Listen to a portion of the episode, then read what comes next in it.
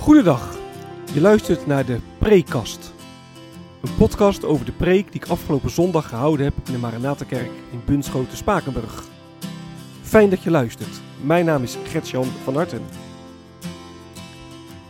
Wat kun je verwachten van deze podcast?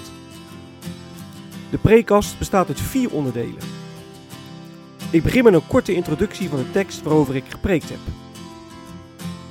Vervolgens geef ik een korte samenvatting van de preek zelf. En met korte samenvatting bedoel ik ook echt kort.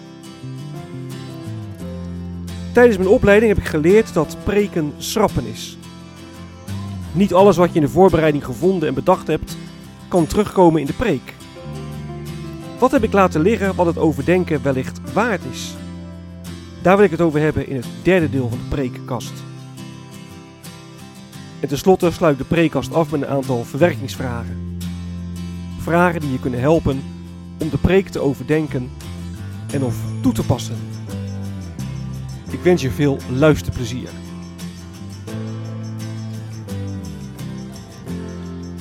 De tekst.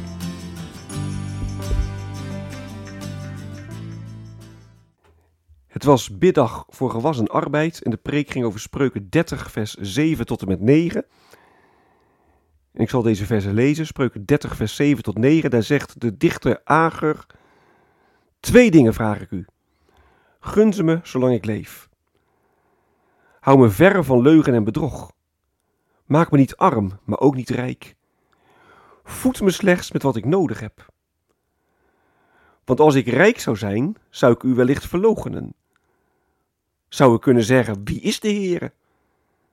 En als ik arm zou zijn, zou ik stelen en de naam van mijn God te schande maken. De preek.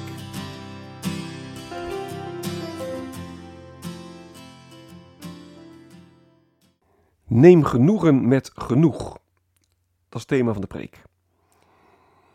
In Spreuken 30 bidt Ager of de Heer hem arm nog rijk wil maken. Nou, hoewel sommige mensen armoede nog wel eens kunnen romantiseren, hè, zeggen we, ik ben arm maar wel gelukkig, kunnen we ons wel goed voorstellen dat Ager bidt of de Heer hem wil behoeden voor armoede. Ja, armoede betekent bittere ellende. Het is een drama als je de post niet durft open te maken omdat je bang bent dat er rekeningen bij zitten die je niet betalen kunt. Het is vreselijk als je je kinderen niet op sport kunt eh, sturen, naar sport kunt sturen omdat je geen geld hebt om het lidmaatschap te betalen. Nou, armoede kan je leven met de Heeren ook in gevaar brengen. Want als je arm bent, kun je in de verleiding komen om te gaan stelen. Of je raakt je vertrouwen in God kwijt. En dan denk je, God zorgt, zegt wat hij voor me zorgt, maar ja, is dat wel zo? Nou, Ager bidt ook of God hem wil bewaren voor rijkdom. En nu wordt er in de Bijbel heel vaak gewaarschuwd voor de gevaren van rijkdom. Rijkdom wordt nergens verboden. Job was rijk, Abraham was rijk. Maar de Bijbel zegt wel heel duidelijk, als je rijk bent, dan kun je zomaar vergeten, tussen aanhalingstekens, dat je afhankelijk bent van de Heer. En ook ligt het gevaar van hebzucht steeds weer op de loer. Paulus zegt bijvoorbeeld in 1 Timotheüs 6 dat heel veel mensen hun geloof hebben verloren, oh omdat ze in de macht van het geld kwamen, omdat ze steeds meer wilden. En daarom de vraag, kunnen wij het ager na zeggen? Kunnen wij inderdaad bidden, Heere, geef mij alstublieft geen, geen rijkdom? Of denken wij dat wij niet vatbaar zijn voor de verleidingen van de rijkdom? Nou, we leven in een consumptie, in een welvaartmaatschappij. Hoe stellen wij ons als christenen daarin op? De levensstijl die wij hier in het Westen hebben, die gaat ja, ten koste van Gods schepping. Die gaat ten koste ook van, van mensen in de derde wereld. Nou, als wij hierin meegaan, in die consumptie, in die welvaartmaatschappij, dan kan het dus ook ten koste gaan van ons leven met God. Aangezegd, voed me slechts met wat ik nodig heb. En geef mij naar, naar behoefte. Ja, Agar die vertrouwt erop dat de Heer, vertrouwt op de Heer precies weet wat, ja, wat hij nodig heeft. En hij vertrouwt erop dat God hem ook zal, het hem ook zal geven. Nou, zo mogen ook wij ons overgeven aan de zorg van God. En je kunt en je mag dat doen in geloof en vertrouwen. Want in het lijden en sterven van Jezus ja, heeft God laten zien dat hij onze Vader is. Hij is geen onpersoonlijke God, maar dankzij Christus is hij onze liefhebbende Vader. Een God die van ons houdt en een God die ook echt ja, voor zijn kinderen en dus ook voor ons zorgt. Nu is niet altijd makkelijk om eh, te vertrouwen op Gods zorg. Het vertrouwen in Gods zorg kan wel eens aan het wankelen worden gebracht. Nou, gelukkig mogen wij groeien, groeien in de overgave. En dat kan alleen als je echt steeds weer concentreert op Jezus Christus. Dus steeds weer kijkt wat Hij allemaal voor ons gedaan heeft en wat Hij ons geeft.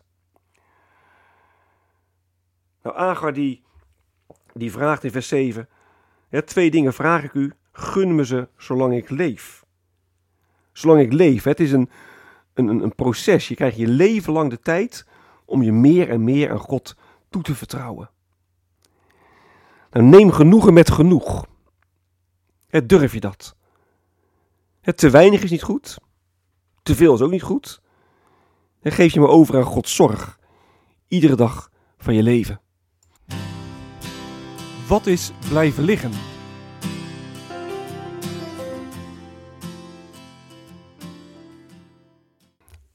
Normaal heb ik uh, bij dit onderdeel van de preekkast drie punten die ik in de preek niet behandeld heb. Daar vraag ik dan aandacht voor.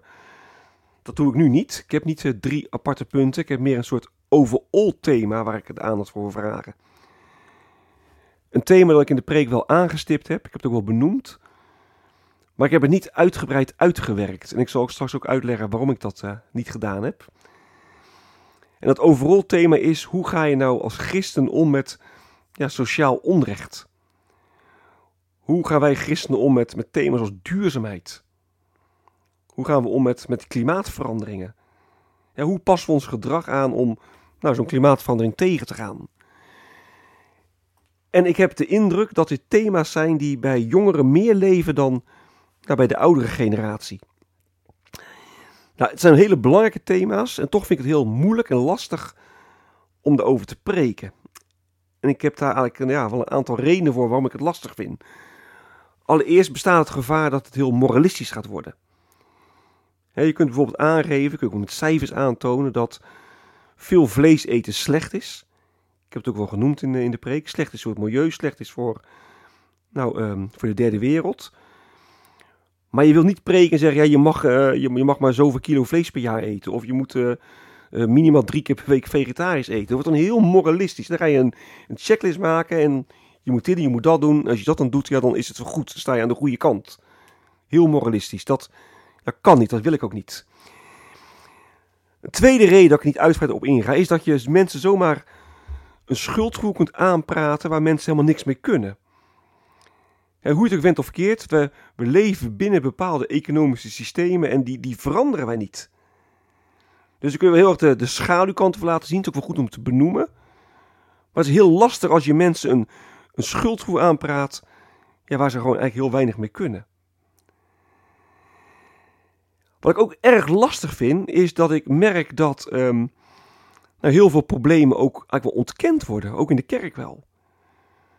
Het ook in de kerk mensen zijn die zeggen, ja, klimaatcrisis, kom op, dat is, uh, valt allemaal wel mee. En uh, ik ben geen klimaatwappie en uh, je hebt altijd veranderingen gehad en dat komt helemaal niet door de mens. Er is niks aan de hand. Oké, er zijn misschien wel meer overstroming, meer bosbranden, maar het heeft een andere reden. Dat is altijd al zo geweest. Dat komt niet door klimaatveranderingen. En voor je het weet, zit je dan zomaar in een, in een ja, politieke discussie. En dat wil je niet ik wil niet preken over politiek, je wilt evangelie preken. Het bevrijdende evangelie van Jezus Christus. En tegelijk heeft dat bevrijdende evangelie wel ja, consequenties, ook voor politieke keuzes, ook voor de manier waarop je leeft, hoe je omgaat met Gods schepping. Nou, ik vind het heel lastig om daar op een goede manier met elkaar over te praten. Dit zijn thema's waar we echt over na moeten denken. Maar hoe ja, doe je het nou op een goede manier? Dat is echt wel een beetje zoeken voor mij. Ik, ik denk dat dit wel thema's zijn die in de toekomst steeds vaker ook in de preek aan de orde zullen komen. Omdat de tijd erom vraagt, omdat een jongere generatie er ook meer mee bezig is. En dat vind ik op zich heel positief. Maar tegelijk wil je niet dat, een andere, andere mensen daarop afhaken. Of dat, dat je ja, mensen uh, daarmee uh, verkeerde schuldgevoelens aan praat.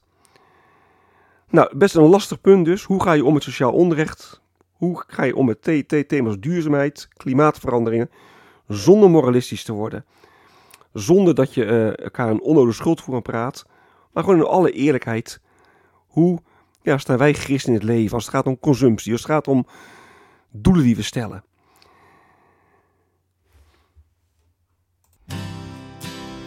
Verwerkingsvragen.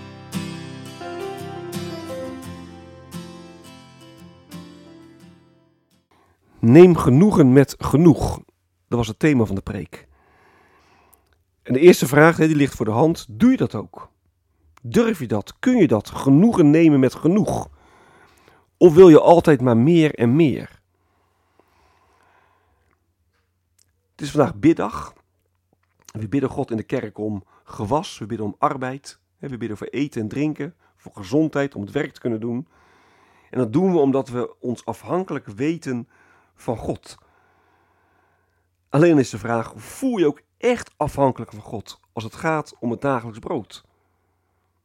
Waar verwacht je dan van? Verwacht je dan van je eigen inspanningen? Denk je recht op te hebben dat je zo hard werkt? Of voel je echt afhankelijk van, van de Heer? De volgende vraag is: in hoeverre ben je vatbaar voor de verleidingen van de rijkdom, voor de verleidingen van het geld? als Jezus zegt dat een, een kameel makkelijker door het oog van de naald gaat dan dan de rijk het koninkrijk van God binnenkomt, gaan er dan alarmbellen bij je rinkelen. En zo ja, welke? En als er geen alarmbellen bij je gaan rinkelen, wat, wat, wat zegt dat dan? In hoeverre durven wij elkaar aan te spreken op hoe we met geld en goed omgaan?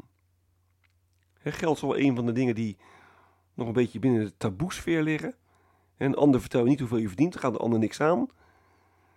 Maar wij elkaar op aan te spreken? Je ziet dat je echt in grote rijkdom leeft. Dat je misschien wel veel te grote auto's rijdt die belastend zijn tot het milieu.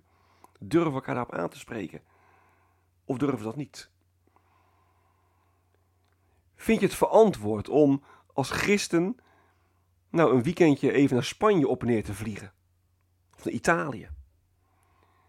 En even voor de duidelijkheid en voor de eerlijkheid, ik wil hier niemand de schuld voor praten. En volgende week hoop ik zelf ook een weekend naar Spanje toe te gaan. Maar is het eigenlijk niet apart dat we elkaar daar ook niet op bevragen? Van kan dat wel? Is dat eigenlijk wel goed? Of moeten we dat gewoon doen en ja, niet te veel over nadenken? Hoe belangrijk vind je duurzaamheid? Hoe kan het dat nou, wij christenen daar misschien wel helemaal niet zoveel mee bezig zijn? Of zijn we als christenen misschien juist wel heel veel mee daarmee bezig? Maar wat vind jij ervan? Hoe belangrijk vind jij duurzaamheid? En gaat de milieuvervuiling en de uitputting van de aarde ons als christenen echt aan het hart?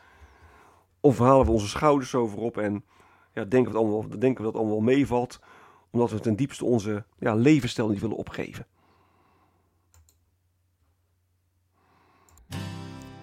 Dit is het einde van de prekast. Mocht je vragen of opmerkingen hebben, dan kun je me mailen op mailadres van hartengretjan.gmail.com van hartengretjan.gmail.com Ik wens je nog een hele prettige dag. Hartelijk dank voor het luisteren. En wie weet tot een volgende keer.